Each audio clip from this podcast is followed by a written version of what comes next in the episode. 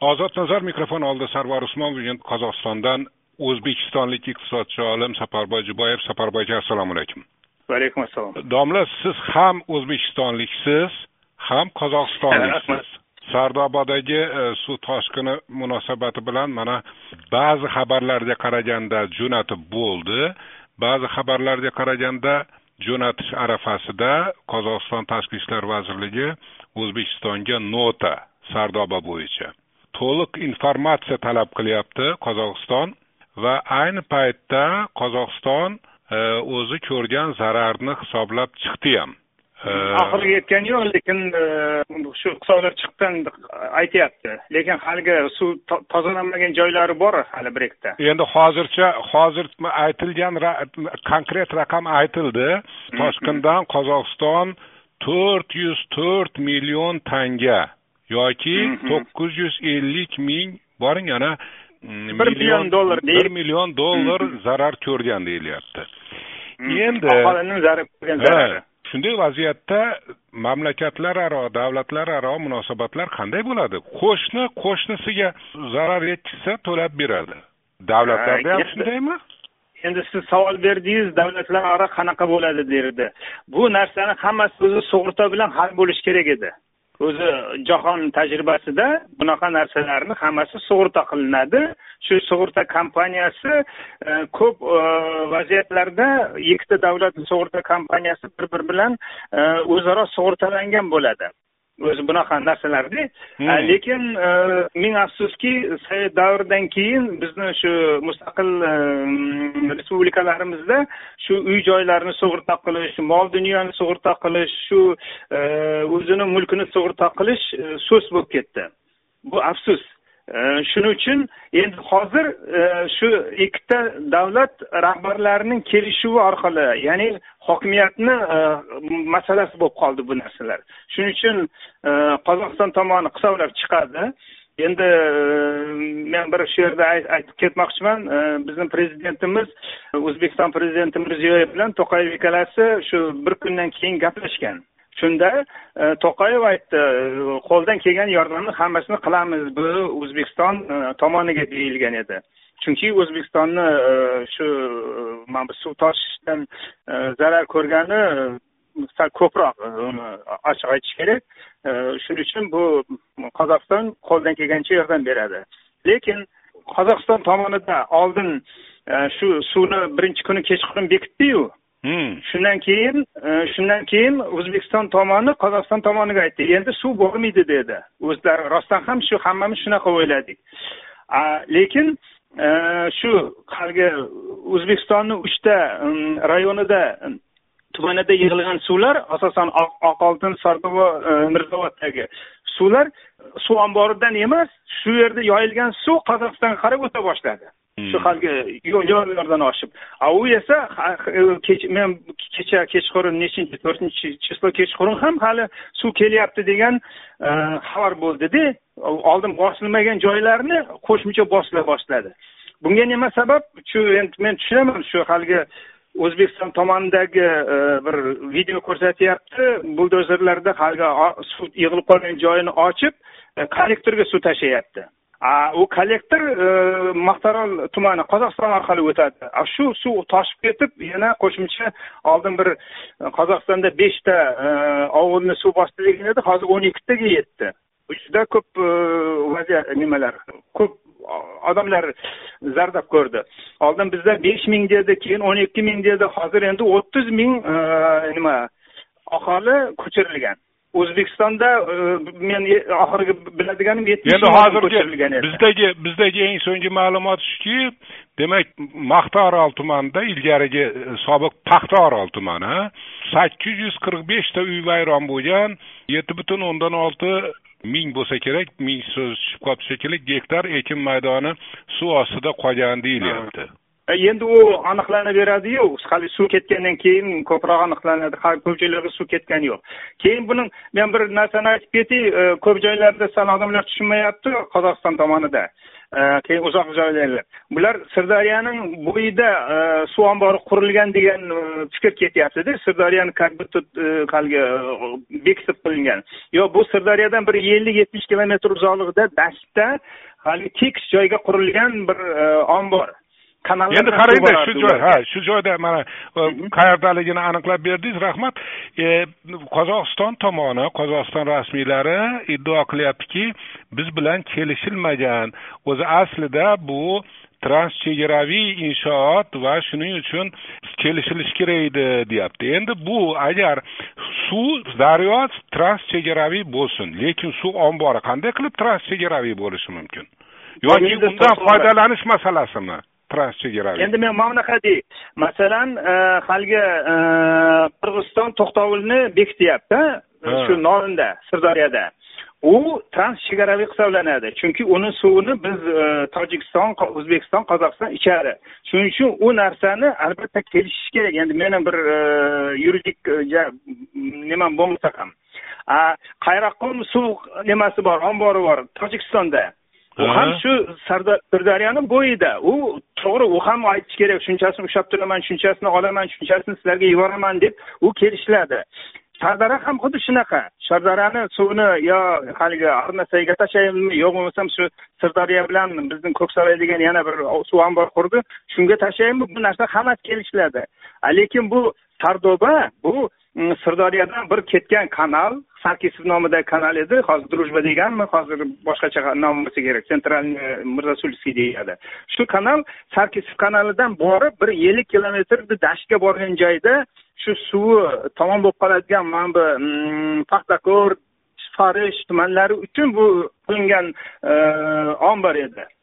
O'zi bir shunaqa joy. Shuning uchun u o'n sakkiz metr o'ttiz metrga tepalikka qilinganda basseynga o'xshab qilingan bu. Bu haligi tabiiy suv ombori emas. Endi shuning uchun meni savolim shundanda meni savolim shundan boyagi savolimni yana ham aniqlashtiradigan bo'lsak agar deyapti qozog'iston tomoni transchegaraviy daryoda qurilgan bo'lsa kelishilishi kerak deyapti. A bu ichkaridaku kanal bilan olib borilgan suv bo'lsa qozog'iston hukumati nima uchun bunday iddao qilyapti? Shunday iddao qilishga haqqi bormi? Endi men hozir shuni qozog'istonni shu yozgan notasini nutqini o'qiganim yo'q qanaqa yozilganini lekin bu bu har bir davlatni o'zini ichidagi masala. Shu qozog'iston chegarasidan bir o'ttiz yigirma besh o'ttiz kilometr uzoqlikda qurilgan narsa endi albatta uni endi xavfsizligi deb mening fikrimcha o'zbekistonni o'zi uni bir xavfli deb o'ylamagan narsada bu. Masalan e, любой masalan men uyimga o'zimga basseyn quradigan bo'lsam qo'shnimdan so'ramayman shu suv oqib ketib keyin u qo'shnini og'rig'ini sal sig'may qolishi mumkin deb. Shuning uchun men o'ylayman bu o'zbekiston bu tomonda o'zini ichki mm, suv ta'minotini yaxshilash uchun qurilgan suv ombori bo'lgani uchun bunga unaqa nimaga qurding deyish bu noto'g'ri sal ha demak bu mutlaqo o'zbekistonni o'zini ichki ishi bo'lgan va qo'shnilarni qo'shnilarni da'vo qilishga hech qanday haqqi yo'q.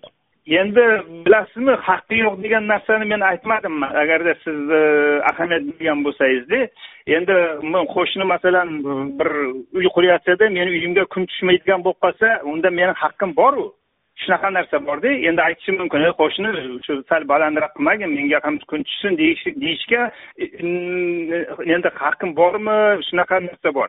Endi buni xavfli ekanligini hech kim o'ylamaganda shu masalan biz ham ko'rganmiz shuni. Ho ikki ming o'ninchi yili boshladi. E o'zbekiston shu dashtda bir dengiz yaratayotgan ekan. Uni o'n yettinchi yili haligi ochdi. U hammasi yaxshi bo'ladi dedik. Kim bilibdi bunaqa yo'q endi u xavfsizlik xavfsizlik masalasi boshqa. A ho'p bo'lmasa masalani boshqa qo'yaylik. Ana haqqi bor haqqi yo'qni. Bu ichki inshoot va o'zbekiston qo'shnisi bilan uni qurar ekan kelishishi shart emas edi. Desak bo'ladimi? Endi men iqtisodchi sifatida shuni kelishishini bir kelishishiga hojat yo'q deb hisoblaymanda. Bu inshoot bu iqtisodiy inshoot. A endi yuridik tomonini mana bu suv bo'yicha mutaxassislar nima deydi? Endi undan meni xabarim yo'q. Ha ho'p o'zi umuman sardobada saqlangan suvdan maqtaorol tumani foydalanarmidi endi meni e, bu suv bo'yicha shug'ullanganim e, haligi orolni e, qutqarish fondi bo'lgan edi. Ikki mingchi to'qson to'qqiz ikki mingnchi yillarda jahon banki o'zbekistonga juda katta mablag' bergan shu orolni qutqarish bo'yicha. Shu vaqtda bizni moliya vazirligidan meni bir shunga qaraydigan qilib endi pulini valyutani qaragan vaqtimda shuni qaraganmanda shu fondni ishini bo'yicha men suv masalasidan ozgina xabarim bor. Shu orolga kim suv bermayapti? Tojik e, turkmaniston ko'proq oyiblarmi yo o'zbekiston oyiblarmi yo bo'lmasam haligi robingis aybdormi degan shunaqa narsalar bo'lgan. Shu vaqtda men shu suv bo'yicha e, ko'rganimda e, qozog'istonni maqtaral tumaniga sirdaryodan boradigan kanallar bor. Shu o'zbekistonni territoriyasidan o'tadi. Shu narsani shu o'zbekistonni ya'ni qozog'istonni suv xo'jalik ministrliklari o'zlari kelishib oladi. Mana mana bu kanaldan biz suv yuboramiz haligi sarkisovdan shuni shuncha suvi shu nimaga qozog'istonga o'tishi kerak. Shuncha suvni o'zbekiston o'zini boshqa tumanlariga yuborishi kerak deydi. Bo'ldi. Shu kelishilgan hajmini o'zbekiston hech qanaqa bir gapsiz qozog'istonga o'tkazish kerak. Lekin suv ombori degan narsa u vaqtda umuman yo'q edi. Hmm. endi lekin endi hozir qarang suv suv ombori qozog'istondan haligi maqtaroldan bir yigirma besh o'ttiz kilometr joyda lekin u tepa sal teparoqqa turibdida shunisi bu qozog'istonga hozir sal e, xavf qatori olib keldi. Lekin uni suvlari boshqa kanal bilan haligi trassamiz boru trassani chap tomonidan agarda toshkentdan yuradigan bo'lsak chap tomonidan haligi forishga paxtakor do'stlik rayonlariga o'tish kerak edi. U maqtaralga uni suvining taalluqligi yo'q mening fikrimcha. Endi men buni bekorga so'raganim yo'q. Agar suvdan foydalangan bo'lsa demak risklarini ham teng bo'lishi kerakda. Endi bilmayman endi. Foydasini ko'rgandan keyin zararini ham lekin mana bunaqa narsa bor sarvar aka. Kollektor degan narsa bor. Suv kanali bor kollektor bor. A kollektor haligi suvni tashlayveradiyu uzoq suvlarni botqoq bo'lmasligi uchun qamish bosib ketmasligi uchun suvni kollektor degani shu e, sathidan bir besh o'n metr pastda kanallar yurgizma zovur deymiz. Shu zovurlarni e, ko'p zovur mana bu e, sirdaryoni mm, ko'p zovurlari nimadan? Qozog'iston territoriyasi orqali o'tadi. Shu narsa bo'yicha ularni orasida juda ko'p kelishuv narsalar kim tashlaydi kim uni tozalaydi u masalalari juda murakkab. Uni kelishuv kelishilgan narsalar ko'p buni. Ha ho'p shuning uchun endi endi buni men hozir haligi shu ombordan qozog'iston suvi foydalanarmidi yo foydalanamasmidi deganiga javob berolmayman ha ho'p tushunarli. Keling endi boshqa masalalarga o'taylik. Siz bilan biz so'nggi bor o'n oltinchi aprelda gaplashgan edik. O'shanda tilga olingan mavzulardan biri xalqaro valyuta jamg'armasini prognozi edi. O'sha prognozda aytilishicha xalqaro valyuta jamg'armasi bu yil o'sish hajmini biru o'ndan sakkiz foiz deb prognoz qilgan. Siz o'sha qozog'istonni. Yo'q yo'q yo'q o'zbekiston o'zbekiston. O'zbekiston nima? Ha. Bir bir o'ndan sakkiz o'sish bo'ladi deb prognoz qilgan edi ikki ming o'n to'qqizinchi yili bu ko'rsatkich besh butun o'ndan olti foizga teng bo'lgan. Siz xalqaro valyuta jamg'armasini o'sha prognoziga ishonmagansiz. Siz aytgansizki bir ikki foizga minusga ketadi degandingiz esingizda bormi bor bor esimda ha shundoq degan xalqaro valyuta jamg'armasi optimistik prognoz qilyapti ha ha lekin ayni paytda markaziy bank bir yarim bilan ikki foiz bo'ladi o'sish deyapti. Ishonasizmi shunga? Mana eng so'nggi ma'lumot. Markaziy bankni kechagi bayonoti o'zbekiston markaziy banki o'zbekiston iqtisodiyotini ikki ming yigirmanchi yilda ikki uch foizga o'sadi deyaptimi?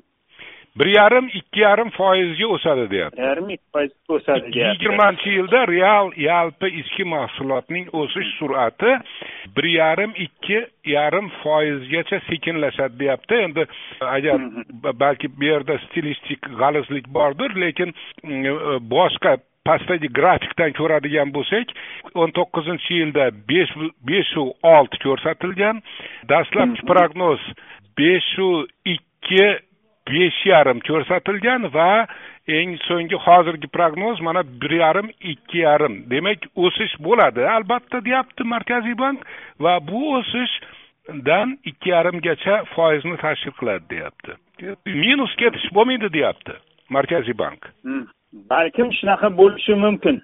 Men e, o'zbekistonni e, iqtisodiyotni o'sishi e, darajasi shu besh olti oldin biz yetti sakkiz foizlar ko'rsatardiku. Shu. Chunki mana bu bizni o'zbekistondagi to'xtab qolgan ya'ni ishlamay qolgan ya'ni yalpi ichki mahsulotga kamaytiradigan ko'rsatkich sohalari juda oz oz bo'lib turibdida qishloq xo'jaligi mm, yuz foiz ishlaydi. Endi mana bu shu sardobadan keyin sal ozgina bir qiyinchilik bo'lmasa lekin e, hamma mahsulot o'ndiriladi haligi e, ishlab chiqarishni boshqa sohalari e, industriya hammasi ishlab turibdi unga narsa yo'q. Eng qiyin masalan shu turizm bilan transport o'zini ozgina yo'qotgan bo'lishi mumkin edi. Keyin kichik biznes. Ularga agarda davlat shu yordam beradigan bo'lsa u ham balkim shu o'zini e, eplab olsa kerak.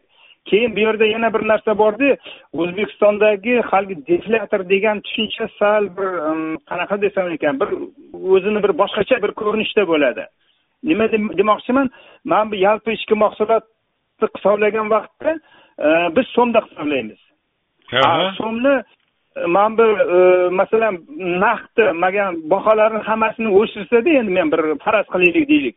O'zbekistondagi baholarni hammasini bir o'n foizga e, oshirsak e, bizni yalpi ichki mahsulotimiz so'mda o'n foizga o'zidan o'zi o'sishi mumkin. Hech narsa bir qo'shimcha bir xizmat qilmasak ham.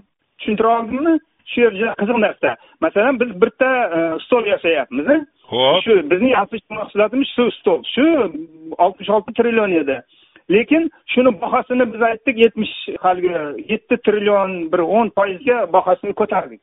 Biz endi aytamiz bizni ishlab chiqargan mahsulotimiz e, yetmish e, oltmish olti bo'lsa yetmish ikki trillion bo'ldi. Lekin naqdni real deflyator bilan hisoblaydigan ishimiz o'tgan yilgi bilan e, oshgani yo'q. Baho o'zgardi. Endi bu iqtisodda juda qiziq narsa. Shuni deflyator deyiladida hisobga olinadigani agarda shuni deflyatorini biz e, haligi inflyatsiyani umumiy olib biz haligi o'n foiz emas besh foiz desak biz hech narsani yangi narsa qilmasak ham bir besh foizga o'sdik deb aytishimiz mumkin. Qozog'istonda ham xuddi shunaqa narsalar bo'lib turadi. Endi qarangda navbatdagi savolim navbatdagi savolim balki siz aytayotgan narsani yana ham tushuntirar. Yakuniy iste'mol xarajatlari degan tushuncha bor ekan. Nima u tak bor. Bu e, mana masalan e, zavod stanok chiqaradi. Bir ishlab chiqarish zavod. Lekin u iste'mol qiladigan narsa emas. U stanok bizga мороженое chiqarib beradi. Haligi apparat. Shu yakuniy iste'mol qiladigani shu e, haligi мороженое keyin bizga мороженое qilib beradigan haligi apparat. Ularni chiqaradigan stanok bu yakuniy iste'mol mol emas. Endi shu joyda shu joyda markaziy markaziy bank aytyapti. O'n to'qqizinchi yili olti butun o'ndan oltiga o'sgan ekan.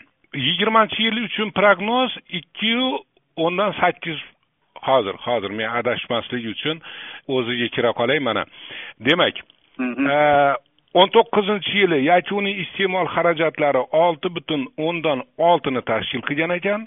Yigirmanchi yil uchun e, dastlabki prognoz ikki butun o'ndan sakkiz lekin yangilangan prognoz bo'yicha e'tibor bering minus bir butun o'ndan to'rt nima degani bu agar yalpi ichki mahsulot bir yarim ikki yarim foizga koronavirusga qaramasdan o'sadigan bo'lsa nima uchun unda yakuniy iste'mol xarajatlari minus biru o'ndan to'rt bo'lyapti так endi buni men sizga e, haligi e, stanok keyin мороженое apparati мороженое bilan tushuntirdim o'yladim tushunish qiyin bo'ldi. E, buni endi o'zbekiston misolida sizga aytib beray o'zbekistonda g'isht chiqaradi sement chiqaradi qurilish uchun armatura chiqaradi. Shular umumiy yalpi ichki mahsulotga kiradi. Lekin ularni kim iste'mol qiladi? Ularni qurilish sohasi iste'mol qiladi. Ular uy quradi. Uy dayin e, uy bu yakuniy iste'mol qilinadi. Chunki u yerga odam turadi. Yo bo'lmasam shu e, haligi qilingan narsalarni odamlar iste'mol qiladiganini shu yakuniy iste'mol deyiladi. Ya'ni uy.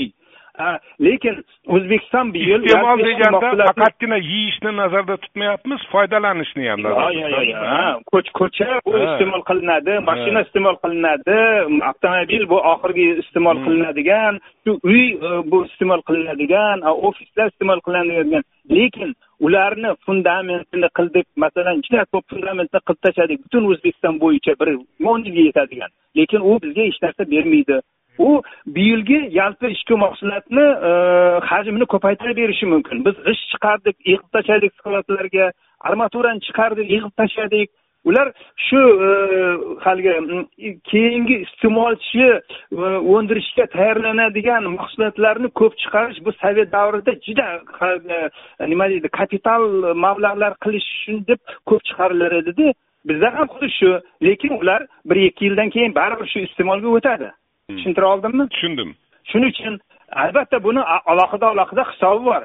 Lekin mana bu shu yevropa davlatlarini biz kritika qilardik sovet davrida. E ular ham faqat shu iste'molni qiladi ular haligi kapitalniy вложениялар geslarni katta yo'llarni shularga unchalik ahamiyat bermaydi. Biz stanoklarni ko'p chiqarib tashlardik maqtanardik shuncha million stanoklar chiqardik. A u stanoklarni ertaga ishlaydimi ishlamaydimi hech kimni e, haligi o'yiga kelmasdi masala shundada hmm. shuning uchun endi hozir siz aytyapsiz iste'mol mollari e, sal pastroq bo'ladi bir ikki foiz deyapsiz.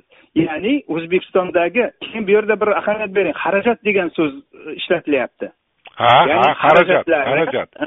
Xarajatlari bu shu e, shunga ketadigan ya'ni oxirgi iste'molchilarga ketadigan xarajat byudjetdan haligi banklardan kamroq bo'ladida haligi shu ishni tayyorlaydigan yalpi ichki mahsulotga kiradigan umumiy haligi внутри цеховый deydigan xarajatlar ko'proq bo'lishi mumkin ho'p e, so'nggi savol e, o'sha bundan yigirma kun oldingi suhbatimizda men oxirida e, to'qsoninchi yillar boshidagi ahvolga qaytib qoladimi mamlakat iqtisodiyoti degan savolni bergan edim. Yana o'sha savol yigirma kun o'tgandan keyin. Yo biz qaytmaymiz undan biz ikki barobar uch barobar o'sib ketdiku shu men elementar bir e, nima bilan aytaydi sizga. Endi o'zbekistonnikini haligi hmm, shu bir yigirma yigirma besh yilcha hisoblashimiz statistikamiz dabdalasi chiqib ketgan qozog'istonni aytaylik. Qozog'iston to'qsoninchi yili e, agarda dollarda yalpi ichki mahsulotni hisoblaydigan bo'lsak atiga bir ellik oltmish milliard dollar edi. Keyin shu to'qson to'qqizinchi to'qson sakkizinchi yillarga kelganda bir o'ttiz o'ttiz besh milliard dollarga ikki barobarga bir e, yetmish sakson foizga pastga tushdida mana hozirgi ikki ming birinchi yildan boshlab bugungi kunda yuz sakson milliard dollar bo'ldi. Endi shu qozog'iston agarda ertaga men bir ikki foiz bir butun o'ndan to'qqiz foiz deganman hukumat bir butun o'ndan to'qqiz foizni hisoblab chiqdi. Ikki foizga pastga tushsa yuz sakson bo'ladi atiga bir yuz yetmish yo'q endi men buni men buni men buni so'raganimki o'sha to'qsoninchi yillar boshidagi ba'zi bir ko'rinishlar qayta boshlagandek ko'rinyaptida yaqindagina mana o'tgan haftada namangandagi bir ishxona o'zi ishlab chiqargan mahsulot bilan e, oylikning bir qismini to'ladida ishchilariga shuning uchun e, bu savol yana qaytib kun tartibiga chiqdi endi har bir biznes e, kichik biznes to'g'ri qiynalishi mumkin. Bir shaxs e, shu nima deydi shaxsiy biznes to'qsoninchi yildan ham qiynalib qolgan bo'lishi mumkin yopilib qolishi mumkin. U aytmaydiyu shu men bir korxona to'xtab qolganim uchun yo bo'lmasam ishlab chiqarishni yarim hajmiga kamaygani uchun butun o'zbekiston butun qozog'iston shu yarim to'qsoninchi yilga boradi deb. Biz bormaymiz u unaqa bo'lishi ham mumkin emas. Tamom qozog'istondan o'zbekistonlik iqtisodchi olim safarboy jubayev edi. Rahmat domla. Salomat bo'linglar.